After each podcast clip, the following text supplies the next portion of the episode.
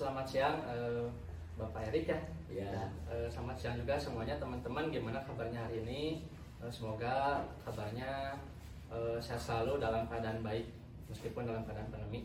Eh, kegiatan eh, semuanya harus tetap berlanjut, harus berjalan.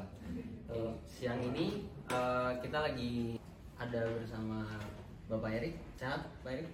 Alhamdulillah dan harus tetap sehat. Harus tetap sehat, Tapi yang pertama sehat. ya, sehat itu dari hati. Iya, betul. Tanpa berlama-lama nih, Pak Erik, Iya. kita langsung perkenalan dulu. Ya. Boleh nggak ceritain sedikit nih Hmm. tentang Pak Erik? Oh, ya. Ini Pak kayak perjalanan karir Bapak lah Oh, sedikit ringkas sharing ya. Iya, Iya. sharing. Oke. Jadi kalau bicara karir, profesi saya itu memang di hotel. Nah, pendidikan juga sama, kita satu Ya, alma mater Pak. ya. Alma mater di NHI, tapi saya melanjutkan ke Swiss. Kemudian pernah kerja di sana juga. Dan memang pengalaman di luar itu ini sharing ya, tapi tidak di luar saja, sekarang juga di Indonesia sangat ini. Eh, mandiri, terutama mandiri. Tidak bisa minta tolong siapa-siapa, gitu kan. Jadi survive ya. Dan disiplin. ya, disiplin. Nah, kemudian pulang dari Swiss pertama saya kerja itu di Hotel Hilton. Hilton. Hilton sekarang bukan Hilton lagi ya, apa Hotel Singasana. Ya. Jadi eh, Hilton dulu paling bagus lah di Jakarta di Indonesia. Nah, saya kerja di situ. Tapi background saya food and beverage, sehingga saya pegang satu outlet dulu tuh sebagai head waiter lah. Kalau sekarang restoran manager namanya Pizzeria. Gitu. Nah, itu juga challenge-nya banyak. Kalau sharing bisa panjang juga dari Hilton. Nah biasalah ada opportunity lain, pindah ke Mandarin. Mandarin waktu itu buka restoran Jigol ini. Kita lihat restoran juga. Itu five star restoran. Jadi yang datang tuh menteri, selebritis. Baru buka yang tadinya bekas restoran eh, tradisional dirubah menjadi restoran Itali tapi five star restoran. Nah ini kesempatan. Saya pindah juga ke Mandarin. Kalau di hotel itu kayaknya jangan jangan bertahan. Satu yang Ya, ini sering ya. Pengalaman ya, ya. Ah, jadi kita harus tetap aja profesional. Satu hari dibayar kita tidak dibayar. Setahun ada kesempatan yang lebih baik dan Ambil. ah, move aja. Karena kalau stay ya begitu aja. Lama juga tapi tergantung aja. Itu depend depend situasinya.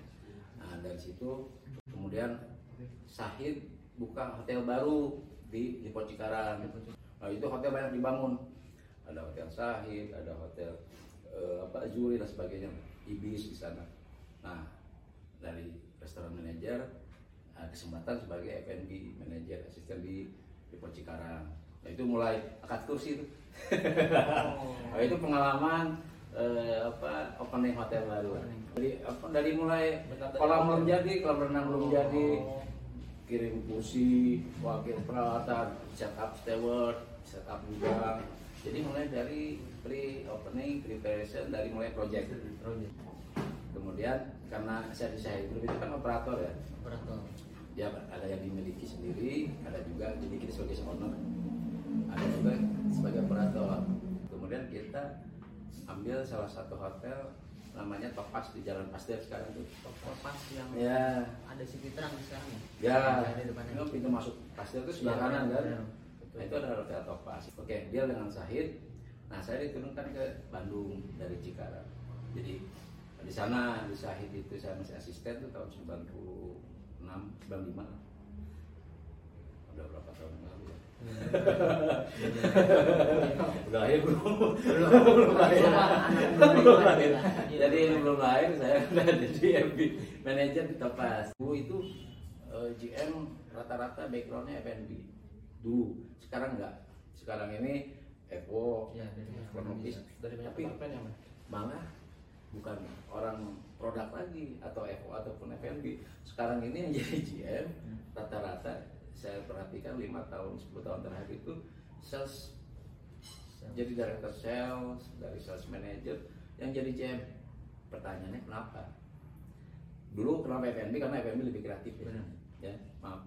Jadi bukan F&B tidak kreatif atau housekeeping atau engineering tidak. Tapi F&B itu dituntut untuk bikin sesuatu yang harus make money gitu kan. Ya. jadi bikin sesuatu lain rata-rata dan paham juga mengenai kamar dan sebagainya housekeeping dan engineering nah sekarang ini trennya sudah kepada sales. Kenapa? Investor zaman sekarang ini investornya pengen cepat duit balik. Betul. jadi payback period return on investment pengen cepat kan? Nah karena pengen cepat mereka berpikir anak sales ini tahu. Wah, oke gue mau bikin hotel nih. Oke gimana jualnya? Pak saya punya.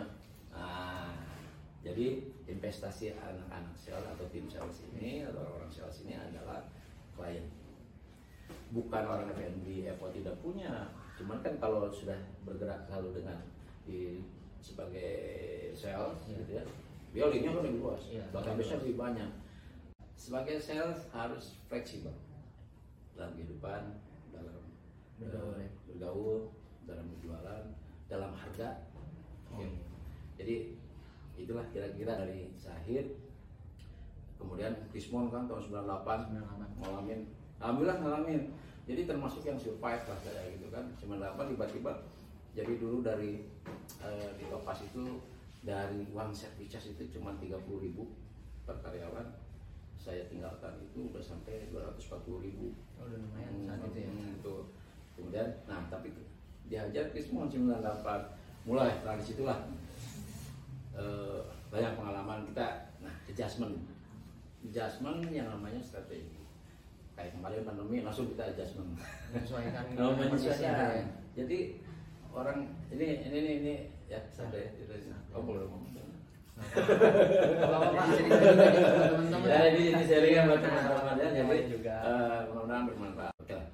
Dari situ, nah Om punya kesempatan dulu itu. Jadi Om sempat lepas ke hotel juga. Oh, nggak di hotel lagi, Sempat, Pak. oh, ada opportunity, Iya. ada kesempatan karena Om dulu waktu di di Pocikarang sebagai manajer itu kan kalau dalam singkes gitu ya pas breakfast kadang nemenin ya ada beberapa dalam singkes itu kan kita apa apa baik dan sebagainya jadi ada teman eh, tamu orang bank Terus dia selesai, Erik, kalau ada apa-apa nanti udah kita tahu. Udah senang lah. Ya. Nah itulah makanya jadi silaturahmi ya. Ini kita bicara marketing ya. Atau kalau Rasulullah bilang kan silaturahmi. Itu rezeki ya. Saya muslim. Nah kemudian kalau eh, bahasa kita kan networking, link. Link. Ya. Ya, benar. Nah silaturahmi rezeki itu kalau kita jujur baik dan sebagainya itu investasi. Ya. Nah artinya dalam marketing ini harus jujur. Jujur itu apa adanya. Ya. Nah akhirnya jadi trust gitu. Nah kerja lagi karena bisnis hotel. Hmm. Kalau gitu saya pindah ke Balikpapan. Nah dulu istilah tahun 2003 istilah MICE itu belum dikenal meeting insentif professional exhibition ini belum dikenal nah di Balikpapan itu kan expatriate JM-nya chefnya expatriate juga ini jadi manajernya boleh juga ini suka biasalah F&B dengan chef kadang dengan room Ya. sebetulnya eh, suka ada beda pendapat dan sebagainya betul kayaknya lu ke sana deh katanya. Bantuin. Terus ya mau nggak jadi mice manager. Nah dulu itu saya termasuk salah satu memang mice manager pertama di Indonesia. Dulu belum ada mice manager itu. Oh, itu pertama. Dulu- dulu pertama. Di Indonesia itu apa sih mice Iya. manajer pula gitu ya levelnya departemen head. nah kalau meeting udah ada aduh, rame lah gitu. Rame kadang kasar gitu ya, mungkin. Udah lu ke sana deh katanya. Masalahnya apa itu tapi jadi mais nggak apa-apa kan? Nggak apa-apa saya bilang. Saya mulai lagi. Nah jadi adaptasi bangkit lagi lah ya udah kerja lagi jadi mais manager Nah itu saya mengkoordinasi semuanya front office sebetulnya mewakili GM GM-nya cuma ya gitu aja cuma cuma melakukan bulanan setiap hari minimal itu inget banget. Dia cuma ngopi sore. Meeting pagi eh, udah gitu room service. Kita sibuk masa jadi mas setiap ada kegiatan. Jadi saya menghandle function anak sales. Nah ini mengkoordinasikan dengan room dengan chef dengan PMD manajernya jadi selalu meeting. Akhirnya saya meng- karena kan event banyak ya. Di Kalimantan itu kan banyak ekspatriat ya, perusahaan-perusahaan minyak kan Konopo apa segala macam itu ada orang-orang asing semua rata-rata Prancis nah jadi saya sering meeting ah, menengahin karena saya backgroundnya F&B kebetulan. Jadi saya paham dengan eh, sifatnya chef gitu kan. Saya paham F&B manager gitu kan. Jadi udah lagi saya dekat dengan room. Jadi ngatur kamar apa segala macam itu udah dalam meeting mas itu sampai ke kredit pembayaran dan sebagainya. Saya ngatur nah itu mas manajer fungsi gitu kan. Nah saya jadi mas manajer pertama tapi kan stepping stone saya harus detail Iya. dan repeat order yes. Iya. jadi harus selalu oke apa nih? Oh ya bu ini ini ini ini, terus dan harus paham produk yang penting memahami produk. Ya mau jualan apa apa Iya, produk apa paham. ya. jadi harus paham produk sehingga ketika repeat order kita ah bu ini kebutuhannya ini. Oke oke lampu di sini tiga titik dan sebagainya panggung dan sebagainya untuk kamar untuk yang pria nggak perlu pakai air panas misalnya nggak perlu anduk perlu ini perlu warna ini. Itu detail kan? Repeat order.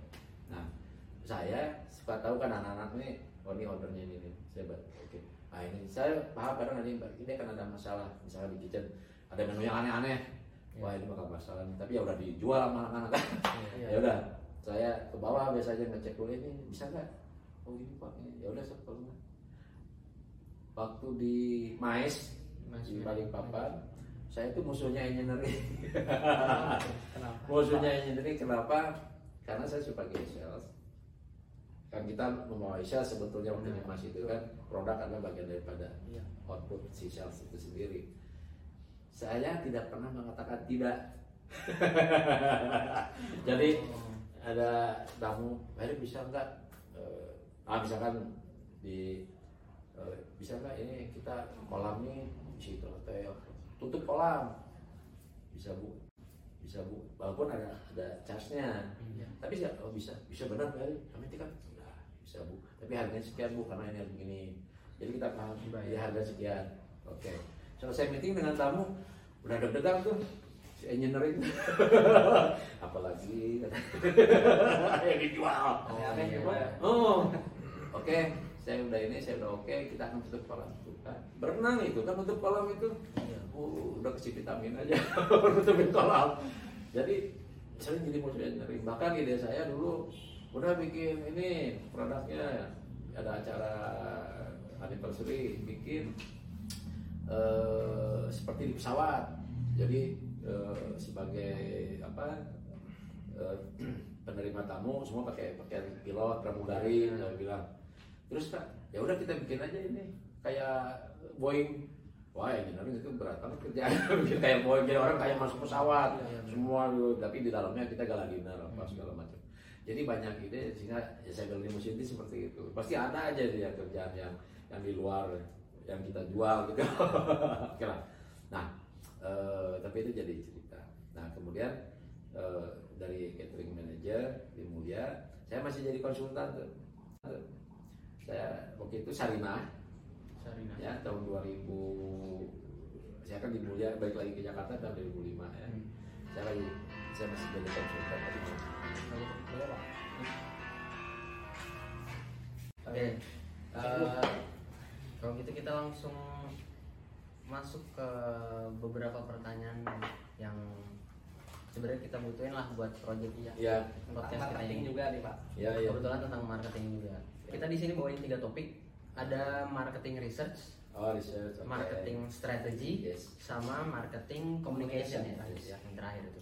Jadi kita sambil cerita aja ngobrol santai, mulai dari marketing research. Yes. Gimana marketing research menurut Om? Marketing research itu penting pertama apa marketing itu kan? Marketing itu kan perencanaan, kemudian kita eh, mengolah data, kemudian kita eh, menganalisa data tersebut, perencanaan dari produk ya. Nah, marketing research ini lakukan eh, harus direct ke klien, artinya orientasinya adalah ke customer. Jadi research marketing itu kira-kira itu. Jadi perencanaan, eh, mengolah data, menganalisa untuk menentukan strategi. Kemudian harus langsung ke konsumen. Itu. Misalkan eh, perencanaannya tergantung produknya apa. Mau bikin pabrik tepung misalkan atau bikin mobil atau eh, jual kamar atau menjual makanan. Makanan juga kan spesifik ya. Restoran sampai ke burger, sosis, kentang itu harus di kira-kira gitu.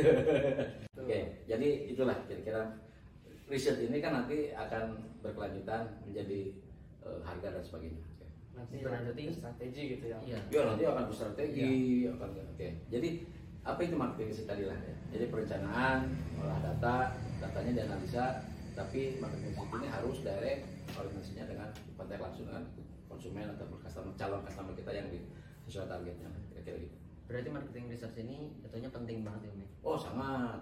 Ini dasar. Makanya dalam satu project kadang ada yang namanya FS mungkin pernah dengar visibility study. Ya. Jadi orang tidak akan investasi, tidak akan berusaha kalau belum ada visibility study. Itu kan bicara data, bicara pasar. Transparansi berarti. Iya, iya. Iya riset, riset, riset development. Oke.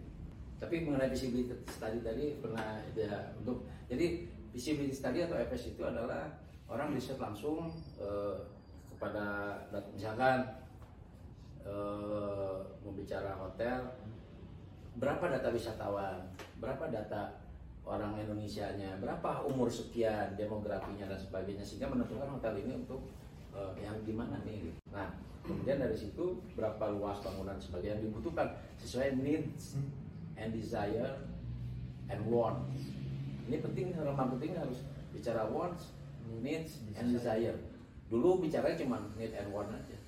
Kebutuhannya apa sih keinginan? Kebutuhan keinginan beda ya. Iya. Sekarang desire juga beda. Jadi perlu tiga ini sebelum mengolah menjadi suatu riset marketing, menjadi suatu visibility atau business, plan disajikan kepada investor ataupun kita sebagai pengelola untuk menentukan produk, harga dan sebagainya. Penting mana? Penting banget. Itu basic lah. Basic. Kalau ada ya harus tahu rukun iman rukun Islamnya dulu. Benar. Kira-kira gitu. iya. Ya itu penting. Oke, itu dasar. Ya. Jadi tadi itu dasar dari si marketing research Yes. ya Pak Erik ya. Mm-mm. Terus biasanya nih kan marketing research itu luas banget. Yes. Teman. Ada nggak sih penghambat-penghambatnya? Uh, banyak Contohnya? yes. penghambat di riset marketing ini atau riset pasar ya Ya. Kita kan mana riset pasar bisa. kita udah punya produk tapi produknya apa kita bisa bahas mau apa aja lah. sama aja soalnya nah hambatannya itu ada di internal ada juga eksternal faktor jadi hambatan selalu ada yang namanya internal faktor ataupun eksternal faktor internal tentu saja hambatannya karena kan munculnya produk itu kan ada satu masalah juga ada ada, ada opportunity wants need dari eh, calon konsumen atau segmen itu. Nah masalahnya tentu satu kembali lagi Uang.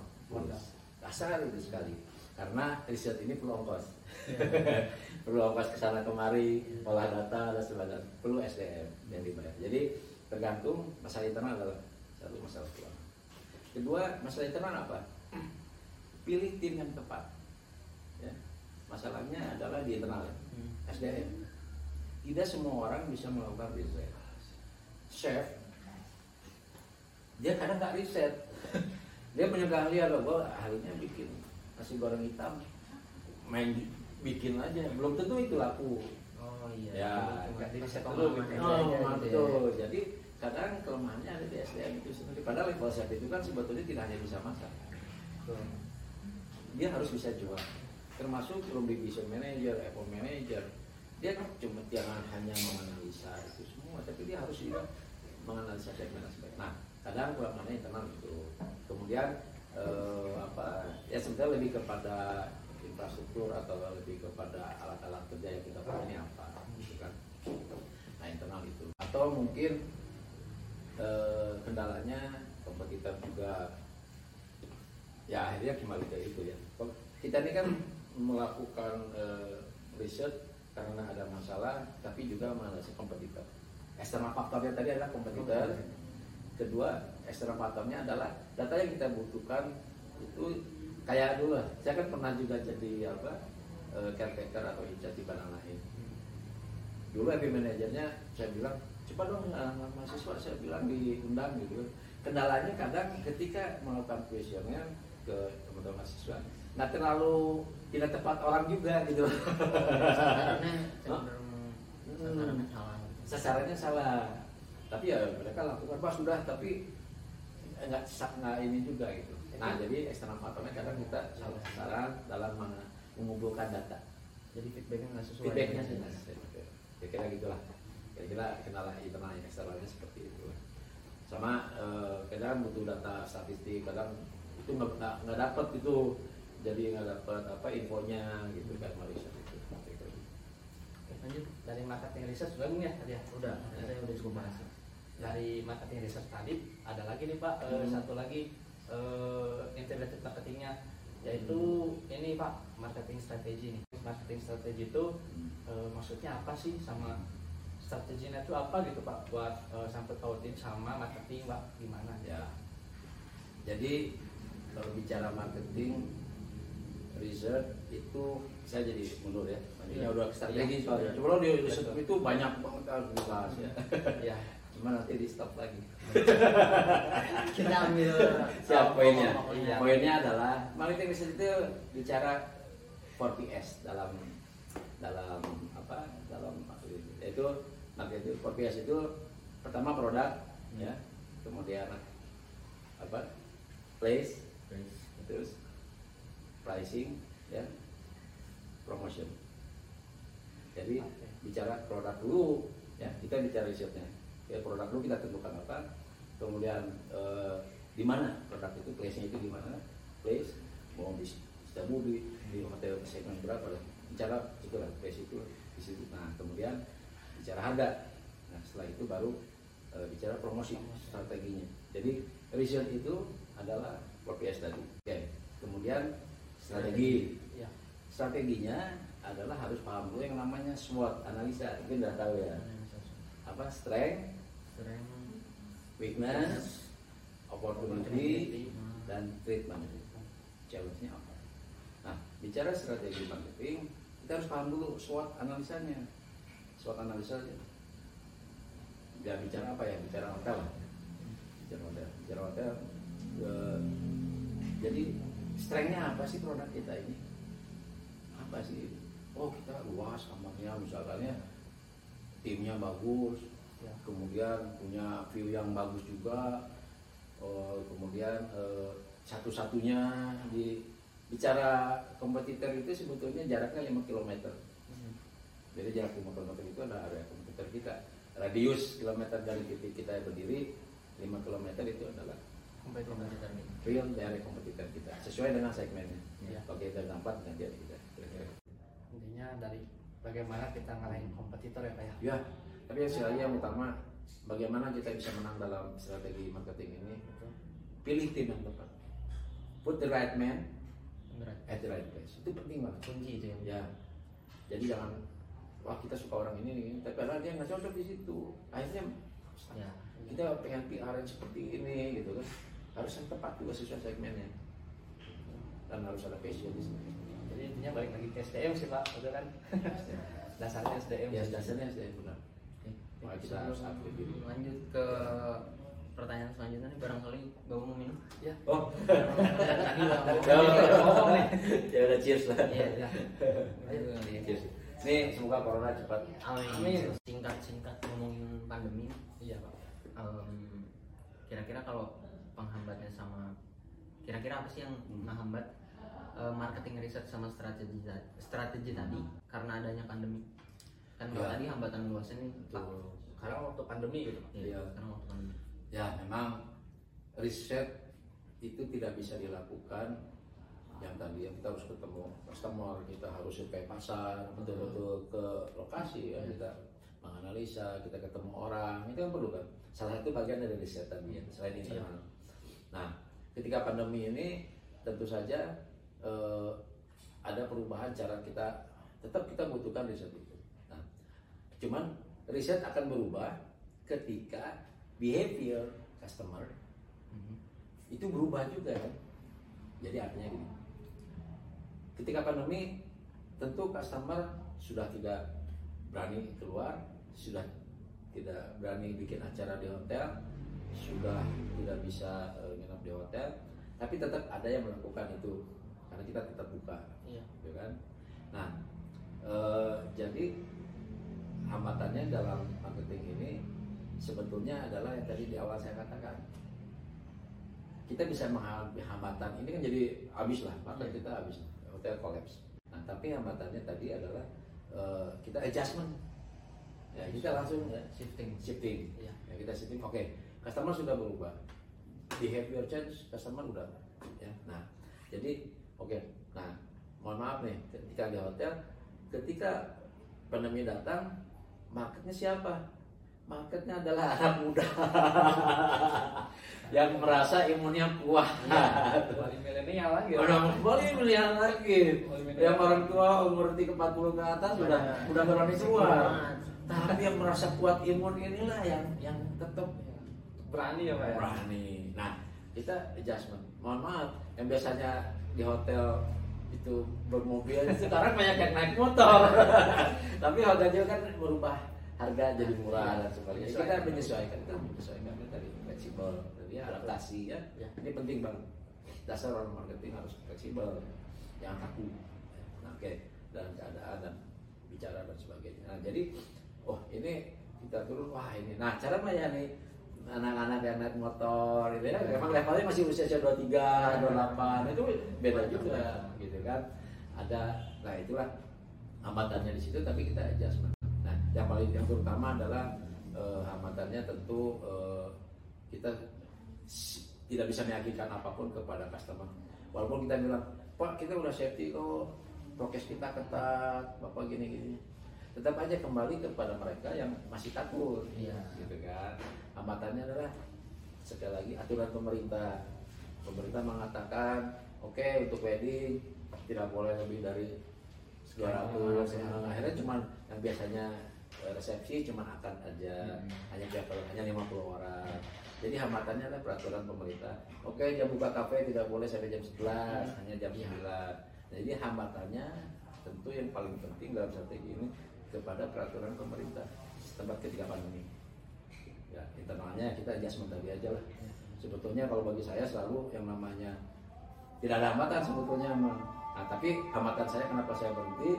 Dari 1240 karyawan dari mulai April akhir Maret lah, April, Mei, Juni sampai dengan bulan Agustus itu menjadi 240 karyawan. Dari satu hotel 60 karyawan rata-rata 40 jadi tinggal 15 orang jadi saya menghentikan 1000 orang. Nah saya yang terakhir kan di bulan Oktober giliran direksi nih Oh, hambatannya di owner. Karena dulu Pak Hendru sadar Rick pokoknya gue cuma bisa sekian per bulan. Dan itu cuma tiga bulan loh katanya. Jadi April Mei Juni. Habis Juni gue nggak mau ini lagi. Ternyata coronanya panjang. Masih lama, ya. Betul. akhirnya ya udah di bulan Oktober saya ya udah kita tinggal direksi tinggal empat orang kayak itu Eh, ya udah saya pak kata saya berhenti juga. Ya udah akhirnya saya melakukan nah kira-kira gitu. Pandemi ini memang Jadi eh, susah juga ya Pak ya kayak meyakini orang gitu. Hmm. Ya, Ya, percaya. nah, biar percaya Pak ini nanti kalaupun makan kita di kamar kita bisa bisa Pak aman tetap itu lagi. lagi ke orangnya lagi ya ya. Balik.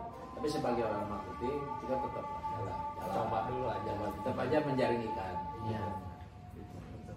Gimana shiftingnya tadi ya? Yes. Berarti. yang penting shifting kita kalau setiap pada nah, sekarang nih sebentar dari November kita udah udah mulai semangat ya Iya. udah mulai semangat ya ada cahaya. Oh, kan? tiba-tiba ppkm lagi kemarin ya itu juga kita shifting akhirnya ya udah komunikasi lewat online apa sih tapi tetaplah komunikasi harus jalan Iya. komunikasi harus jalan Ya gimana? Kita biar nggak itu penghambat aja sih sebenarnya. yes. Hambatan jadikan kesempatan. Hambatan jadikan bahwa ini strategi baru. Hambatan jadikan tetap aja kita bisa menjual. Soalnya sekarang ketika bulan November sih udah malah banyak kesempatan sekarang. Hmm. misalnya gini. Ini kolaps hotel. Ini yang sedang saya kerjakan. Iya. saya bilang kepada calon investor Pak it's time to buy. Apa Erik investasi hotel Bapak nggak perlu sampai 15 tahun 8 tahun balik modal. Kenapa to buy ini saya ada pegang 20 hotel dari owner yang memang mau dilepas. Dan itu harganya sangat murah kita optimis ini akan selesai. Setiap penyakit masalah pasti. Jangan bahwa selesai.